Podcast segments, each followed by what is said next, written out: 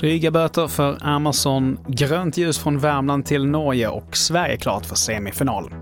Det här är TV4-nyheterna där vi börjar med att berätta att e-handelsjätten Amazon får böta motsvarande 7,6 miljarder svenska kronor efter att ha brutit mot EUs dataskyddsförordning, det rapporterar TT.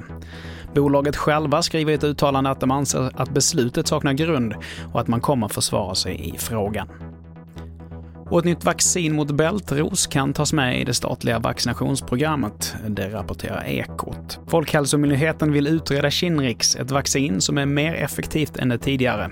Vaccinet kostar idag 5 000 kronor för två doser, men om det skulle tas med i programmet så skulle det bli subventionerat eller kostnadsfritt. Inom infektionsläkarkåren så är vi väldigt positiva till, till ett sådant vaccin. Det är ett bra vaccin som har väldigt lite biverkningar och långtidseffekt.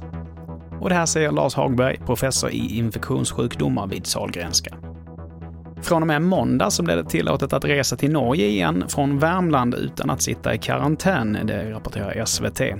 Även Norrbotten kommer att grönlistas, men man måste ju såklart fylla in blankett och snabbtesta sig vid gränsen.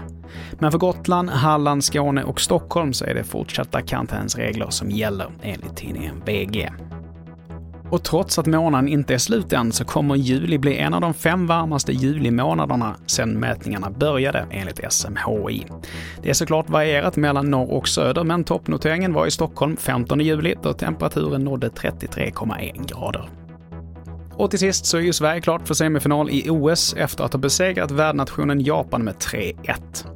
Blackstenius, som stod för 2-1 målet, tangerar dessutom Lotta Schelin som främsta OS-målskytt för landslaget med sex mål. Nu väntar Australien på måndag klockan ett svensk tid. Det var det senaste ifrån TV4 Nyheterna. Jag heter Mattias Nordgren.